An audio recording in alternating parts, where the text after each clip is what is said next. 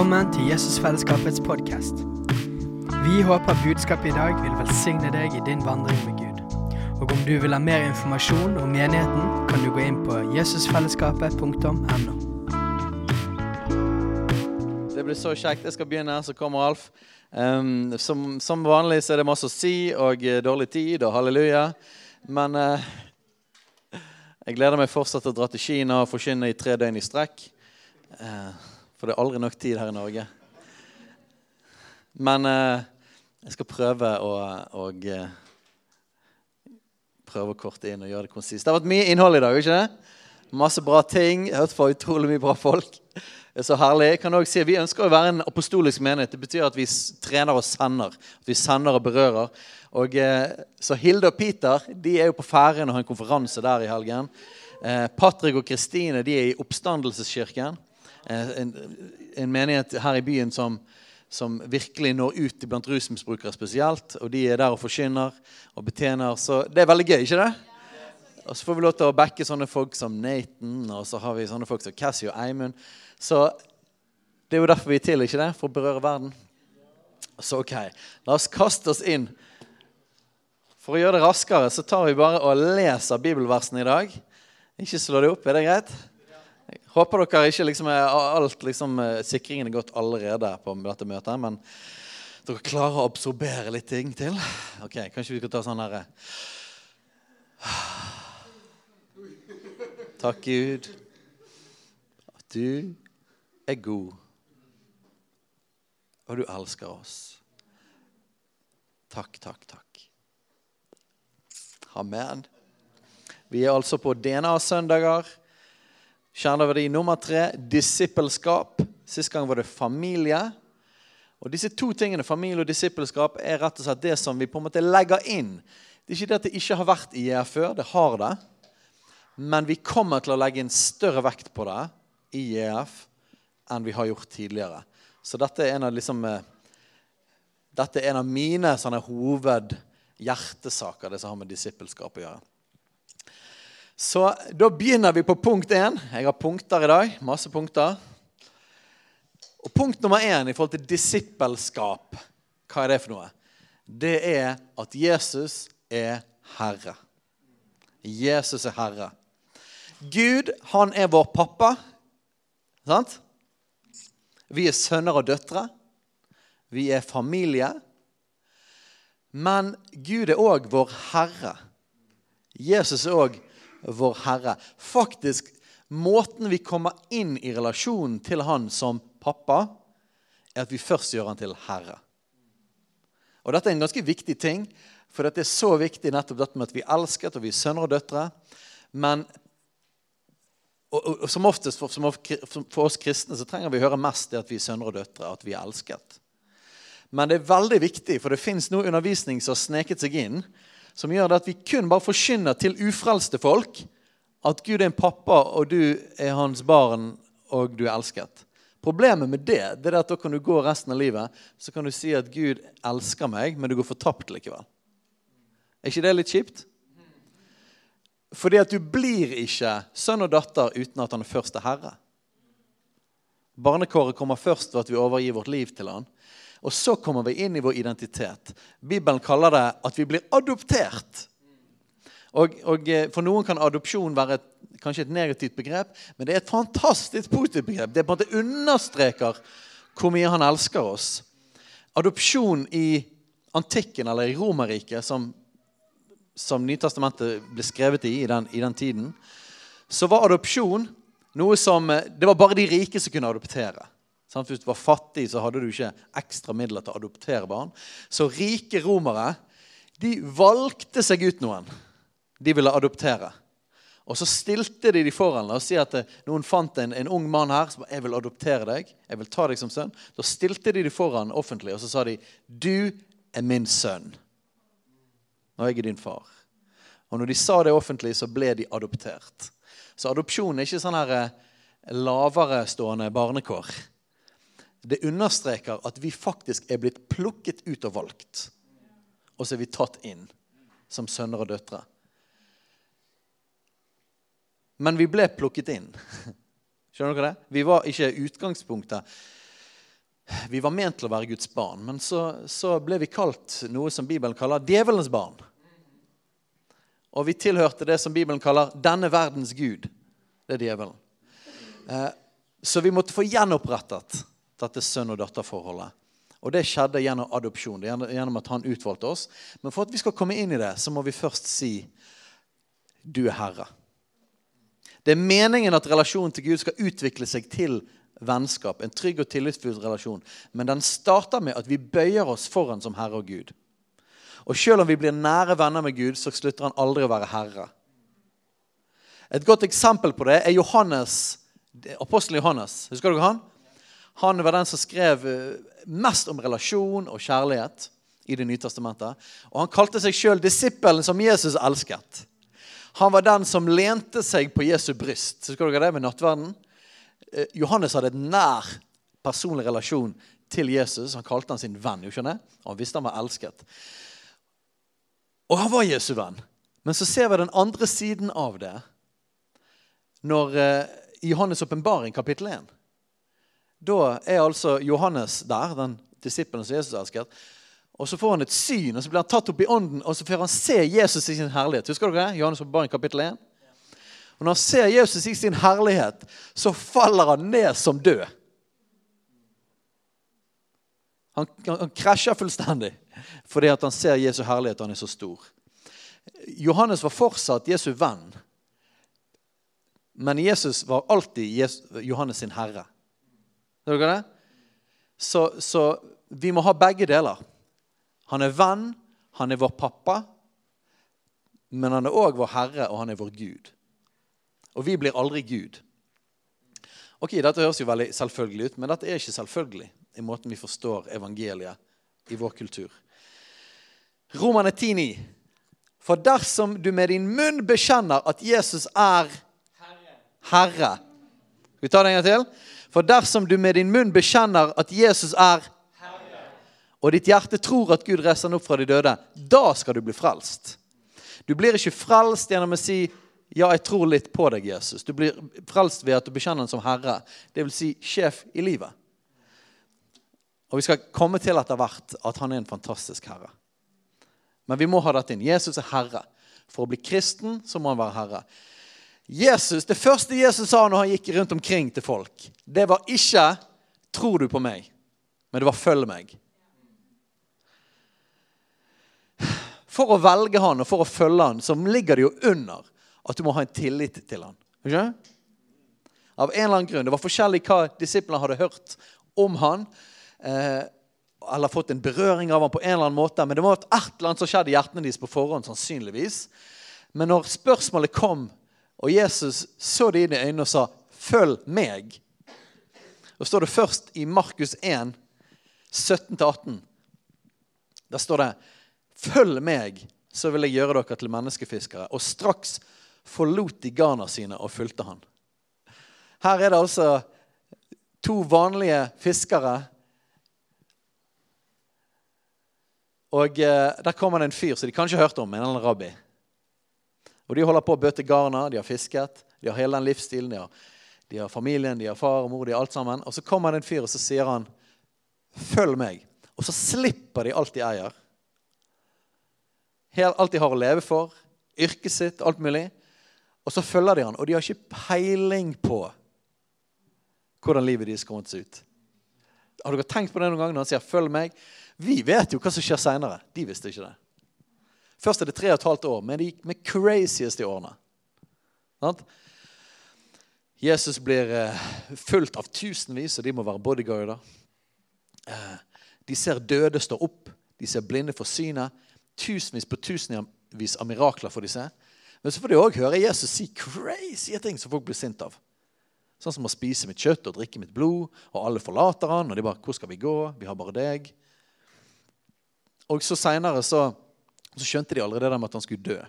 Selv om han sa det mange ganger. Og etter tre og et halvt år med vanvittige livsforvandlende ting Livet snudd opp på hodet. Så ble Jesus tatt i Jerusalem. Og så blir han korsfestet.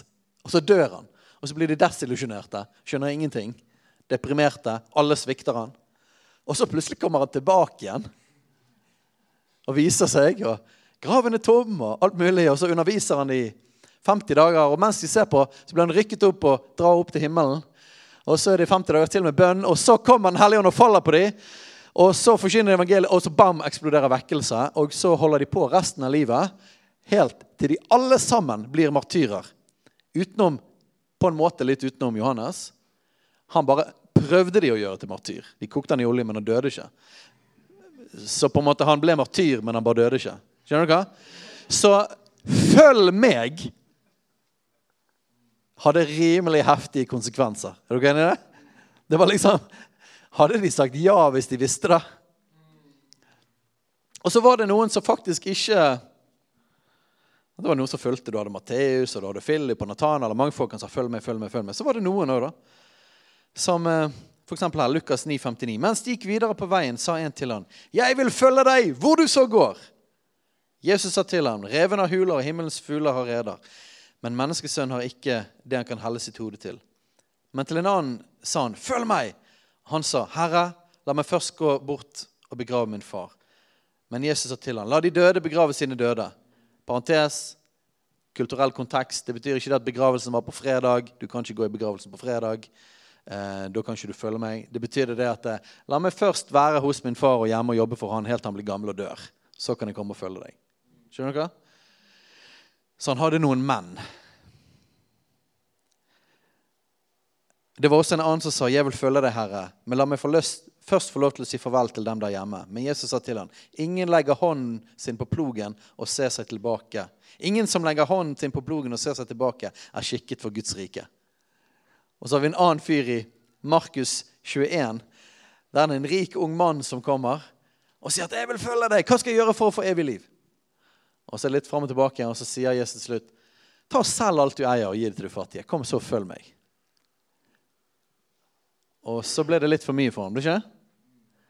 Og så står det at han gikk bedrøvet bort, og Jesus fulgte ikke etter ham. Så hele Jesus' sin tjeneste begynte med å demonstrere Guds rike. Men så utfordret han folk til å følge ham. Han utfordret folk til å følge ham så det kostet de alt. Og han snakket ganske mye om dette. Han snakket, for eksempel, sa han at eh, den som mister sitt liv for min skyld, han skal finne det. Men den som prøver å finne sitt liv eller holde fast på sitt liv, den skal miste det. Jesus var radikal på etterfølelse. Hva skjønner jeg?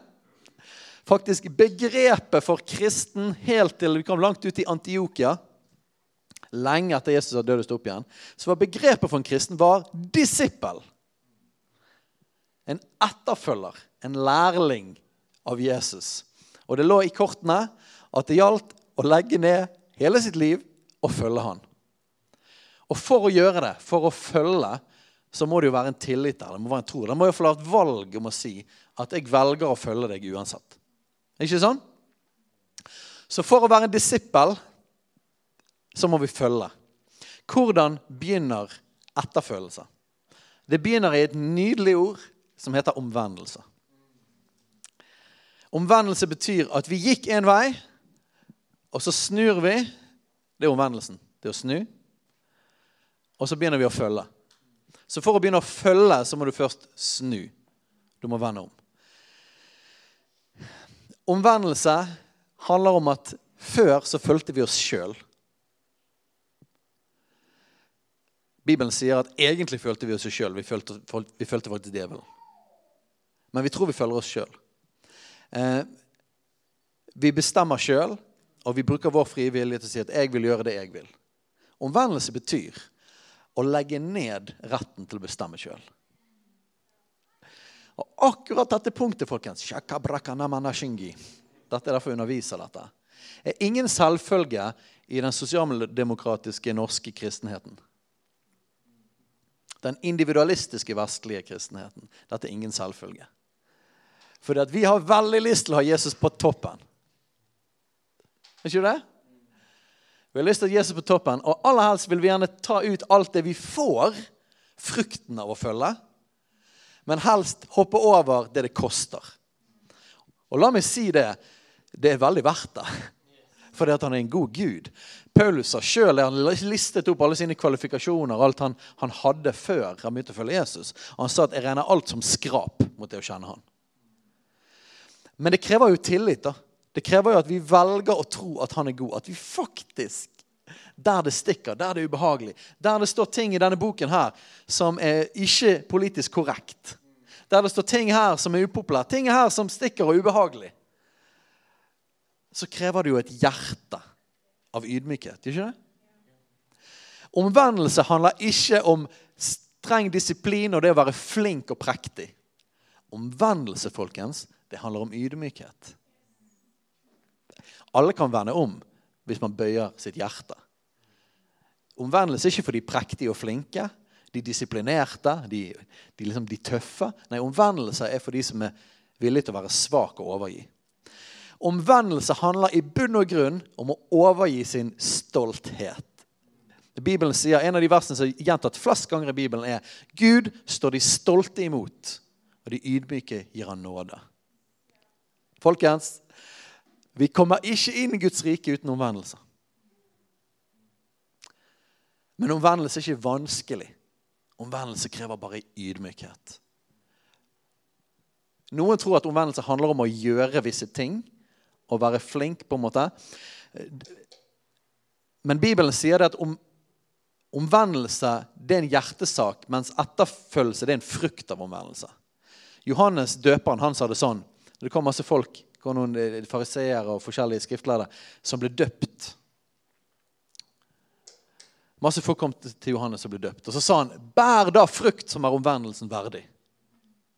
Hva betyr det? Det betyr at det var ikke livet deres som var omvendelsen, men livet var en frukt av omvendelse.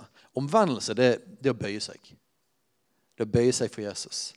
Og Jeg regner med alle dere som kaller dere Guds barn og kristne, at dere har bøyd dere for Han og kalt Han Herre. Omvendelse handler om å gi opp kontroll og ha tillit til at Han er god. Ha tillit til at Han er god, og at Han er Herre. Når vi tør å tro det, når vi tror det, så tør vi å ta det valget å vende om og overgi. Gjør ikke vi det? Omvendelse i bunn og grunn, det dypeste liksom, Hvis du går helt inn til kjernen, så er omvendelse kjærlighet. Han ga sitt liv for oss. Derfor gir vi våre liv til han. Ikke sånn? Vi elsker fordi han elsket oss først. Dette er kjærlighetens natur. Hans lengsel er at vi blir sånn som han er. Derfor omvendelse og etterfølgelse. Det er i han, og det er i kjærligheten, og det er i å legge ned sitt liv. Det er der livet fins. Guds rike er sånn på alle områder. Den som gir, den får. Den som grabber til seg, den mister. Du kan se Så mye av Jesus' sin undervisning handler om nettopp dette. Så det handler om å gi han tillit, bøye hjertet sitt og si at eh, jeg får ikke det til. Vi har jo lyst til å få tilgivelse for synd. ikke vi det? Tilgivelse for synd det er en sånn pakkedeal. Først må vi erkjenne det at vi har syndet og vi trenger tilgivelse. Og så kan vi gi han vår synd. Men for å gi han vår synd så, må vi, så er det en pakkedeal som må til. Og det er at vi gir han livet vårt samtidig. Så det går ikke an å gi han vår synd og få tilgivelse uten å gi han livet. Så vi bare erkjenner det at det er ikke bare det at jeg har syndet. Jeg får ikke til livet mitt. Så jeg gir deg hele greien. Det er omvendelse. Og da blir vi frelst. Noen herlige bibelvers. Den Matteus 10, 39. Den som finner sitt liv, skal miste det. Men den som mister sitt liv for min skyld, skal finne det. Folkens, Jeg håper dere hører Den hellige ånd i ordet her. At ikke det bare er sånn her, et ytre krav av loven, men at dere kjenner Dette er Guds natur, folkens. Dette er Guds natur. Og hvis, om, om, du ikke får tak i dette med å legge ned sitt liv, og at det er der livet fins, ah, da kommer du til å ha et fattig liv. Det er der glede fins. Du vet, Glede i Guds rike er på tross av omstendigheter, ikke på grunn av omstendigheter. Hele Guds rike er sånn. Det er opp og ned. Og jeg håper at vi alle sammen lærer at det er, det er ved å dø vi begynner å leve. Det Jesus gjorde, det gjorde ikke han bare for oss, men han gjorde det også som et forbilde. At vi skal leve sånn som han. At vi skal være som han i denne verden. Det er en fantastisk ting. Galaterne 2,20. Jeg lever ikke lenger selv, men Kristus lever i meg. Det liv jeg nå lever i skjødet, det lever jeg i troen på Guds sønn. Han som elsket meg og ga seg selv for meg. Ser dere det? Hvorfor gir han Hvorfor lever ikke han lenger sjøl? Hvorfor sier Paulus at han lever for han? Fordi at han elsket meg og gav sitt liv for meg. Frukten ut av det er jeg lever ikke lenger sjøl. Og folkens, dette er et godt liv. Filippane 1,21. For meg er det å leve Kristus og dø en vinning. Det er heftig! Filippa-brevet radikalt altså til beinet. Paulus sitter der på dødscelle, klar til å bli henrettet.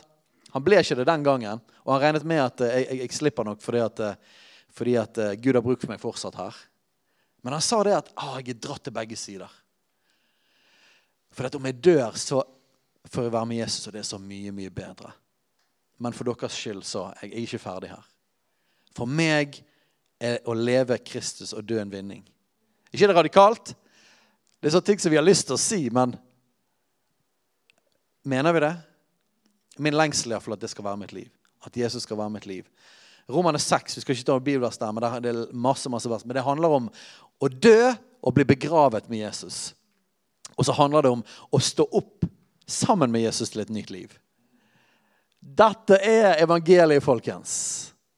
Han er en far, han elsker oss, vi er sønner og døtre. Men omvendelse og etterfølgelse kommer før det. Det er, liksom, det er steg nummer én. Og det er et nydelig liv. Det er viktig for meg, og det er viktig for tiden vi går inn i videre, at Jesusfellesskapet forkynner et helt evangelium. Å forkynne omvendelse og etterfølgelse er en ekstremt viktig ting generelt fordi det er så viktig i Bibelen, som var så viktig for Jesus sin forkynnelse, men det er spesielt viktig i vår tid. For at vi lever i en tid og i et samfunn med mer selvtilbedelse enn noen kanskje noen annen gang i, i, i historien.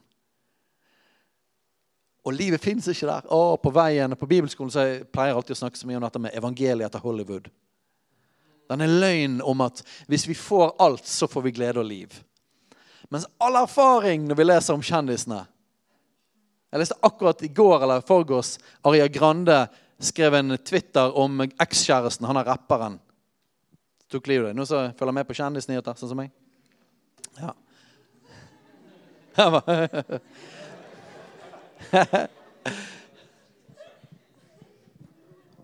Hun bare 'Å, det var så trist', liksom. Sant? Du som var så talentfull og fantastisk og alt mulig. og 'Å, men liksom, Jeg kunne ønske at jeg kunne hjelpe deg med dine indre demoner. Dine, det som du fant aldri glede, aldri lykke.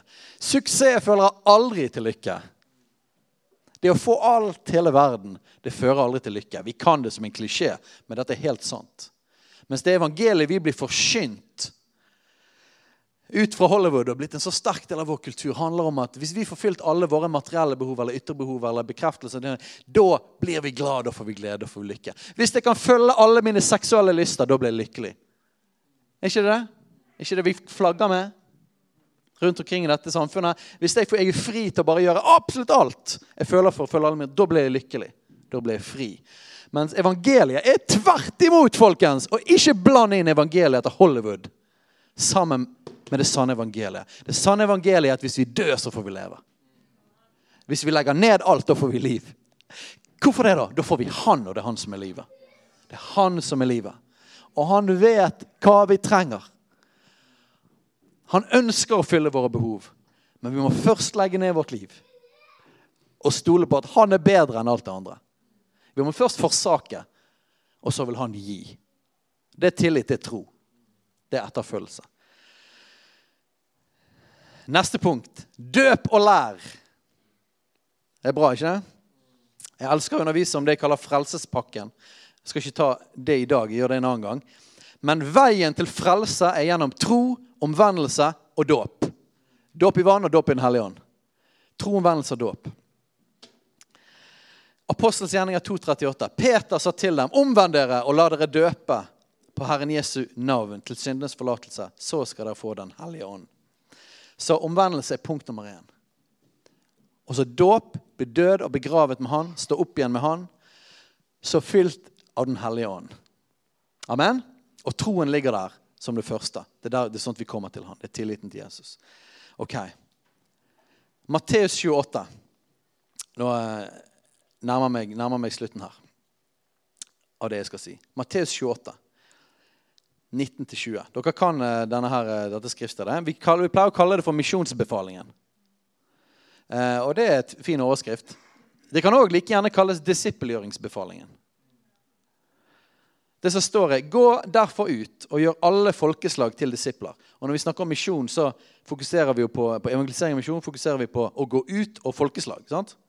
At, at, vi skal ut der. Og det er definitivt viktige ting av det som står her. Men nå skal jeg fokusere på det han sier at vi skal gjøre når vi først går ut der. Og det gjelder òg her. Gå derfor ut og gjør alle folkeslag til disipler. Altså Befalingen Jesus gav rett før han dro til himmelen, er at vi skal gå ut og gjøre disipler. Hva betyr det? Etterfølgere av Jesus. Mer enn folk som tror. Jeg mener, Det må begynne i tro. Men folk som legger ned sitt liv og følger. Folk som vender om og følger Jesus. Det er oppdraget vårt. Og da er jo det mange biter av det oppdraget. En bit av det oppdraget er å forsyne evangeliet først. Helbrede syke, kaste ut noen andre, demonstrere evangeliet, sånn at folk begynner å tro. Folk, folk vender om. Sant? Og så er det videre på det oppdraget. Men det er ikke slutt oppdraget da. Videre er jo at disse folkene som kommer til tro, begynner å følge. Og så er det noen av oss da, sånn som er her. Vi har fulgt Jesus en stund, en del av oss. ikke? Og oppdraget fortsetter videre. At vi alle sammen skal fortsette å følge Jesus. Så dette, denne befalingen fra Jesus, gå ut i hele verden, gjør alle folkesøk til disipler, det er noe som det starter med evangelisering, men det fortsetter med alt vi gjør. Alt vi holder på med, bør være å gjøre disipler. Gå derfor ut. Dere, hvordan var det vi skulle gjøre folk til disipler? da? Det var to ting. Idet dere døper dem til Faderens, Sønn og Den helliges navn, så er det to måter å gjøre disipler på. Døpe folk. Og jeg regner inn i døpe folk, for her, I akkurat dette verset står det 'døpe', men det står veldig mange andre vers om tro og omvendelse. Så døper de. Det handler om den begynnelsen. Først må de komme gjennom til tro, komme gjennom til omvendelse, begynne, bli frelst. Sant? Så hvordan gjør vi alle folk som disipler? Først må de bli frelst. Døpt i vann, døpt i Den hellige ånd, begynne å tro på Jesus, vende om og følge. Det neste å lære dem å holde alt det jeg har befalt dere.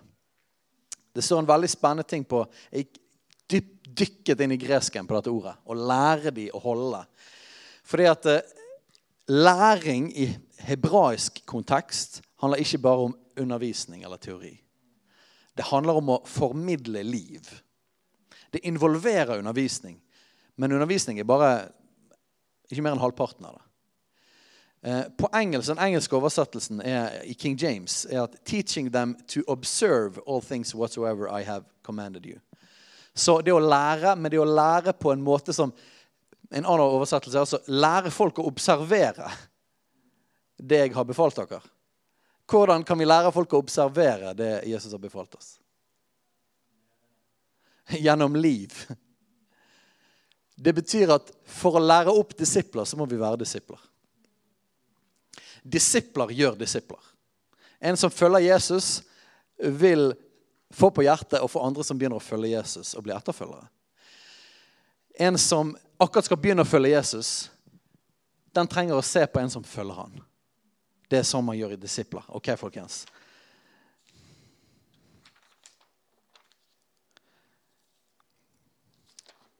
Der er den. Der er den. Paulus sa det sånn. 1. Korinterne 11,1. Bli mine etterfølgere, like som jeg etterfølger Kristus. Han sa dette mange ganger. Filippane 3,17 for eksempel, sier han, 'Brødre, vær mine etterfølgere, og akt på dem som vandrer etter det forbildet dere har i oss.' Og det står flere ganger. Jesus sin modell var å trene tolv stykker gjennom å demonstrere livet. Han viste det. Og så underviste han dem. Han viste med liv, og han underviste. Dette var Jesus sin plan for å nå verden.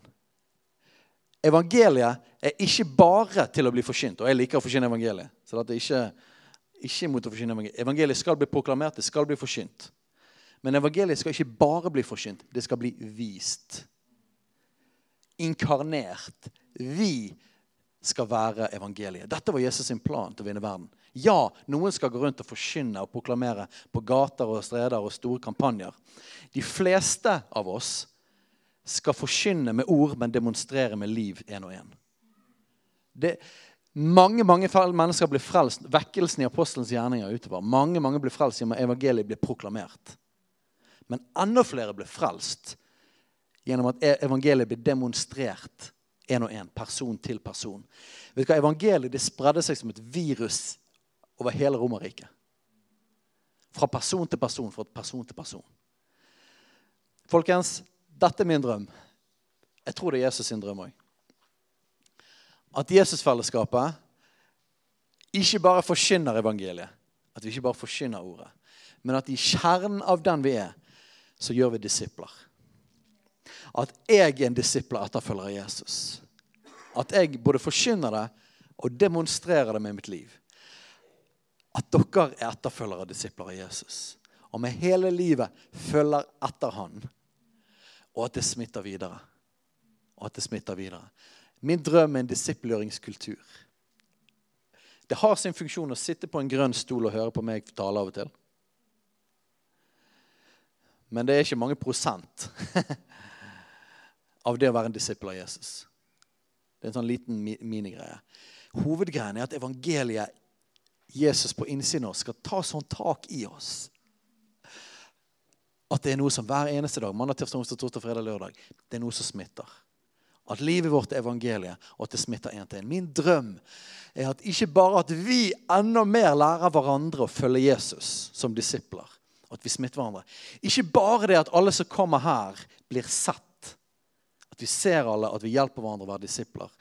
Men min drøm er òg at evangeliet gjennom oss skal spre seg til andre. Hvorfor holder vi på med dette hvis ikke? Min drøm er at vi blir en disiplgjørende bevegelse. Fra person til person til person til person så smitter evangeliet videre. Og vi tar de folkene inntil oss, og så vandrer vi sammen med dem. Og at du kan si 'følg meg sånn som jeg følger Jesus'. Og det fine er at Du trenger ikke vært kommet mer enn ett skritt lenger enn den andre for å disiplgjøre. Bare ta de med på vandringen.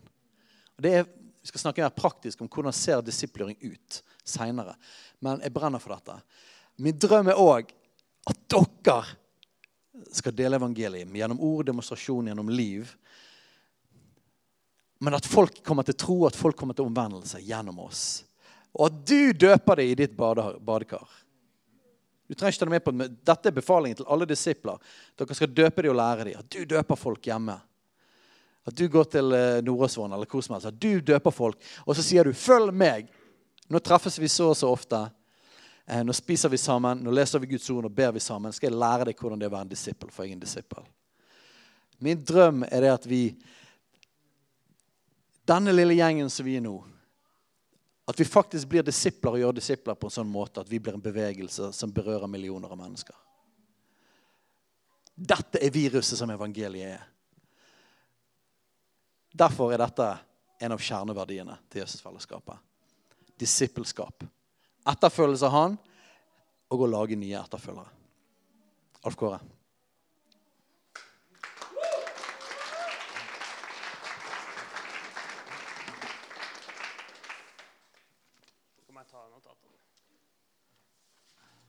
Yes.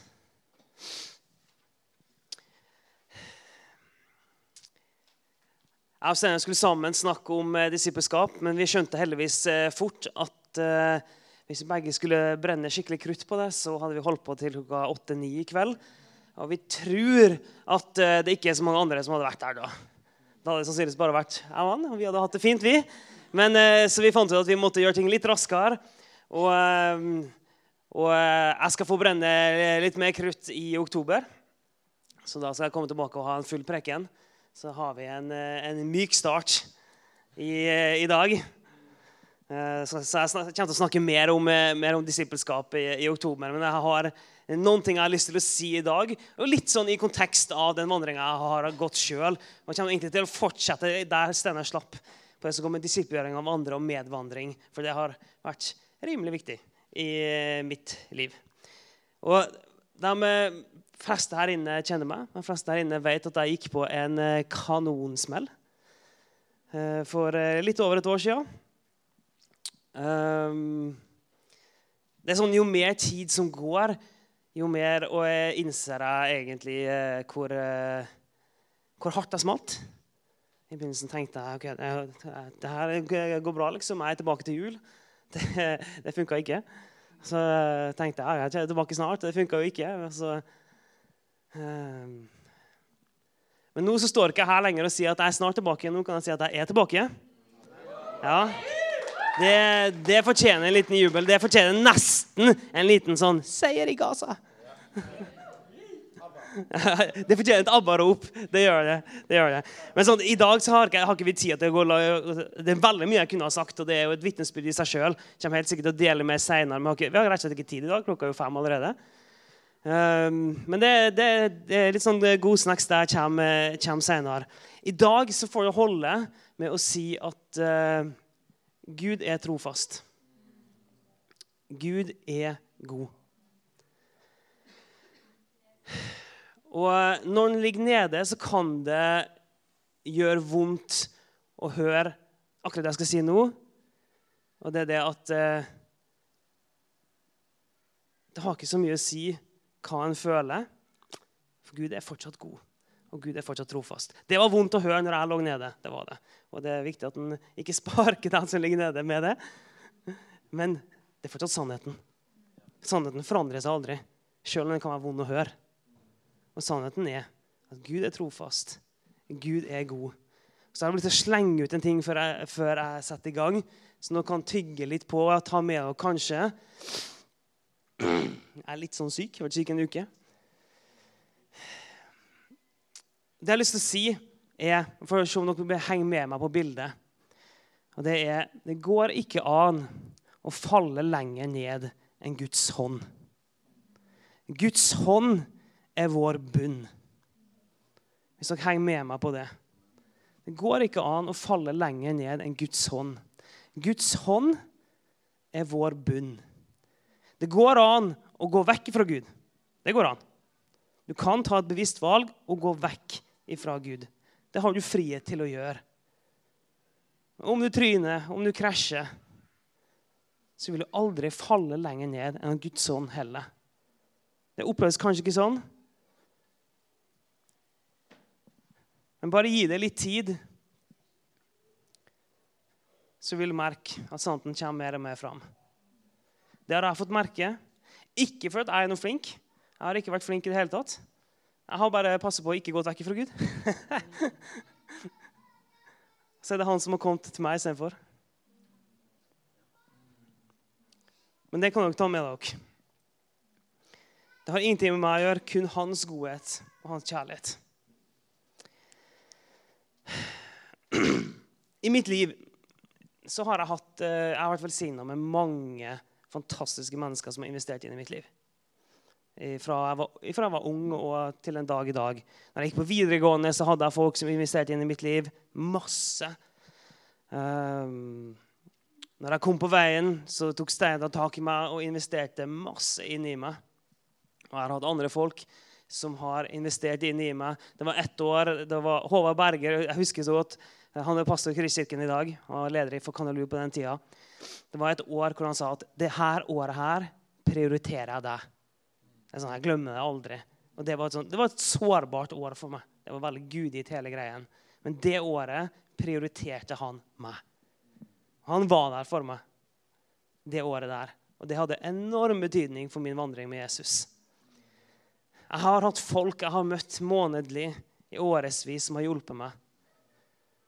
Og nå når jeg gikk på den smellen jeg gikk på, det å ha en del sånne folk i mitt liv som kunne gå sammen med meg Som kunne si Når det var tid for det, kunne si det her er sannheten, uavhengig av hva du føler. Eller av og til si ingenting, kanskje. Men det å ha folk der venner som vandra med meg, eldre mennesker som hadde, gått, som hadde, levd, lenger med Jesus enn det jeg har levd. Som kunne fortelle meg hva som er sannheten, som kunne vise meg en vei når jeg ikke så noen vei lenger. Og Vi snakker ofte om disippelgjøring i konteksten av å disippelgjøre nyfrelse, og det er helt sant og det er helt viktig.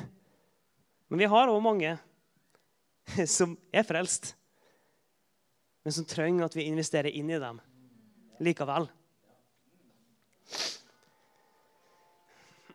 Ja, Europa skal bli frelst. Klokka er fem. Vi er snart ferdig. Men for meg så har det betydd alt i livet at jeg har hatt sånne folk. Og Det er bare litt det hjertet vil få fra nå før vi er ferdig her i dag. Det er det her hjertet for å investere inn i andre. Min drøm er at vi alltid har At alle vi alltid har én person. Det kan være flere òg. At vi har én person som vi kan investere litt ekstra inn i. Og Det skal ikke være en sånn her tvang. Det er ikke en ting du må gjøre for å tilfredsstille noen andre. eller noe sånt. Men det er å finne én eller flere som du gir litt ekstra tilgang i livet ditt. Som du velger å bruke litt ekstra tid på.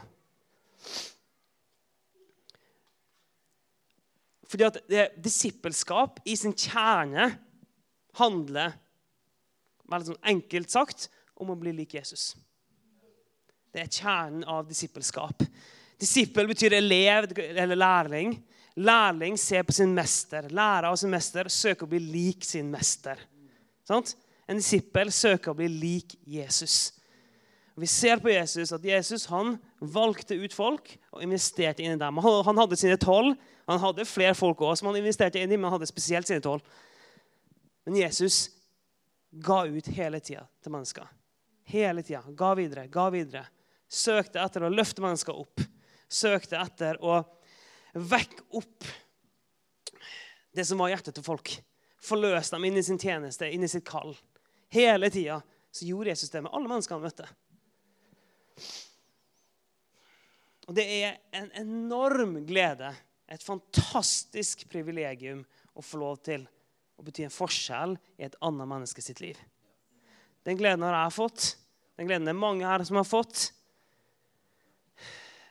Og det å kunne få lov til å bety en forskjell det, det er lite som betyr så mye når, når mennesker kan komme til meg i ettertid og bare si enten sånn her Det året der det, betydde så mye for meg, eller bare, av og til er jeg til og med helt ned på nivå med den samtalen der. Det betydde bare alt for meg. Men det er at vi alltid tenker at vi skal gi ut til andre. Og ikke igjen sånn, ikke sånn her at, ikke sånn her, og i dag må jeg finne en person. Jeg må, jeg må, jeg må, jeg må si et eller annet. 'Hvordan går det med deg i dag, Sindre?' Ikke sånn? Det er jo ikke det vi er ute etter. Men når vi er disipler og blir mer og mer like Jesus, så vil vi òg leve mer og mer som Jesus. Og vi ser sånn levde han. Steinar han, eh, nevnte det. Første Korinterbrevet 11,1. I den nyeste oversettelsen står det 'ha meg til forbilde, sånn som jeg har Kristus til forbilde'. Så det Paulus basically sier, er sier det som du sa, 'følg meg sånn som jeg følger Jesus'. Ikke fordi han skulle ha Paulus som Gud, men han skulle vise dem en vei til Jesus. Og sånn som når jeg gikk på den smellen jeg gikk på, som jeg sikkert kommer til å fortelle litt mer om senere Jeg trengte mennesker i mitt liv som kunne vise meg veien til Jesus, rett og slett. Ikke fordi jeg hadde falt fra. Det hadde jeg ikke. Men jeg trengte noen mennesker som kunne bare peke på Jesus for meg. For det var perioder hvor jeg, jeg, jeg, skjønte ikke helt hvor han var. Men jeg hadde mennesker i mitt liv som visste hvor Jesus var. Det er det som er litt, litt sånn hjerteslag nå. at åh, Vi alle sammen vi trenger mennesker. Tenk om vi kan være som en stor familie som alltid har noen andre som vi gir inn til. Vi gir inn til hele tida. Det trenger ikke å være så fryktelig mye. Det kan være jevnlige middagsbesøk. Det kan være jevnlige telefonsamtaler, jevnlige møter på noe. Det kan være å si ok, vi møtes, vi møtes hver uke. Eller det kan være vi møtes en gang i måneden. Det kan være så mye forskjellig. Og alt det her, eh, alt det her kan du jo gjøre med med alle, for så vidt. Du kan, jo, du kan velge å møte så mange du vil. Men, eh, men forskjellen på det, det, det, det her disippelgjøringa jeg snakker om nå, er jo gjerne at det er uttalt òg, i tillegg. Sånn det at Jeg har hatt gleden av å ha mennesker i mitt liv som har sagt jeg prioriterer deg. Jeg har hatt mennesker i mitt liv som har sagt at uh, ring meg hvis det er noen ting. eh, og som har uttalt 'Jeg er for deg'. Det er noe jeg prøver i mitt eget liv òg. Jeg prøver alltid å søke etter okay, hvem i denne sesongen her er det jeg skal investere inn i. Og de menneskene de, de lov, da, da, sier jeg hva, hvis det er noe, ring meg. Jeg er den personen som er sånn, folk ringer meg, det er ikke sikkert jeg tar telefonen. Det er ingen mennesker dette å få tak i meg. Det er ikke det. Men når de menneskene som jeg har sagt, ringer meg hvis det er noe, da tar jeg faktisk telefonen hvis jeg ser at de ringer. Så det er bare alltid ha noen å gi ut til. Og det kan koste tid, det kan koste energi, det kan til og med koste litt penger av og til. Det kan det. Så det har en pris. Men å gi liv gir liv. Det tar ikke liv. Å gi liv gir liv tilbake. Gir du liv til andre, så får du mer liv tilbake. Hvorfor heter Dødehavet Dødehavet? Sånt? Fordi det er dødt. Derfor heter det Dødehavet. Og hvorfor er det dødt? Det er mange her som sikkert vet det. Det er dødt fordi det bare kommer vann inn, og det går ikke vann ut. For det ligger under havnivå. Så det kommer bare vann inn. Ingenting går ut. Og vi må ikke bli mennesker som bare tar inn. Vi trenger å gi ut hele tida. Det gir liv.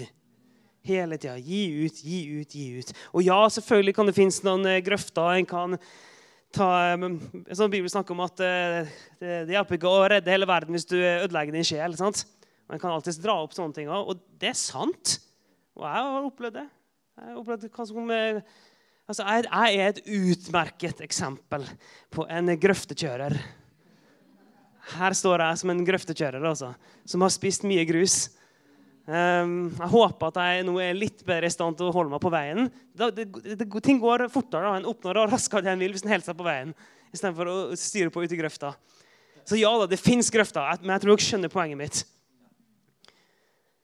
Og Det er å hele tida finne andre å gi ut til. Og det var egentlig bare sånn veldig sånn kort. Jeg hadde lyst til å bare få det ut nevne det i konteksten av det som Steinar snakka om, i konteksten av min egen vandring. Um, og det er godt for meg å bare stå, stå, her og gi ut igjen, kjenner jeg. Det betyr noe for meg òg. Jeg har egentlig vært veldig Jeg har aldri i mitt liv gått så lenge som det her uh, uten å forkynne. I, mitt liv omtrent så jeg var sånn knøttliten unge. Sånn er det å være. Pastor, vet du. Så jeg har aldri gått så lenge.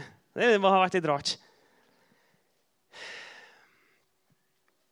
Men la oss, la oss være en familie som alltid søker etter å finne noen andre å, investere inn i. Og min utfordring til deg nå det er bare be over det, kjenn litt på det. Hvem er det nå i denne sesongen av mitt liv som jeg skal investere inn i? Og så kan det selvfølgelig være at du har en sesong i livet ditt hvor det, ting kan oppleves vanskelig. og sånn. Jeg skal innrømme at jeg har ikke investert fryktelig mye inn i folk den sesongen jeg har vært i. Det skal jeg innrømme. Og det går helt fint. Livet er livet. Men da, det, det som er fint da, du, da kan du nyte av at andre investerer inn i det sjøl. Og så kommer hun seg opp igjen, og så gir hun jo tilbake. Så, så ta, ta, det med deg hjem. Bare tenk ok, er det noen jeg kan gi litt ekstra inn i, gi litt ekstra tilgang til, gi litt ekstra tid til, lytte litt ekstra til. Og veldig gjerne uttalt og si at Det, det kan være tidsbegrensa. Dette året her jeg er for det. Denne sesongen her jeg lytter på det. Så ta det med deg. Og så ser jeg fram til oktober en gang, sannsynligvis. Da kan jeg virkelig få brenne kruttet. Yes. Takk for meg.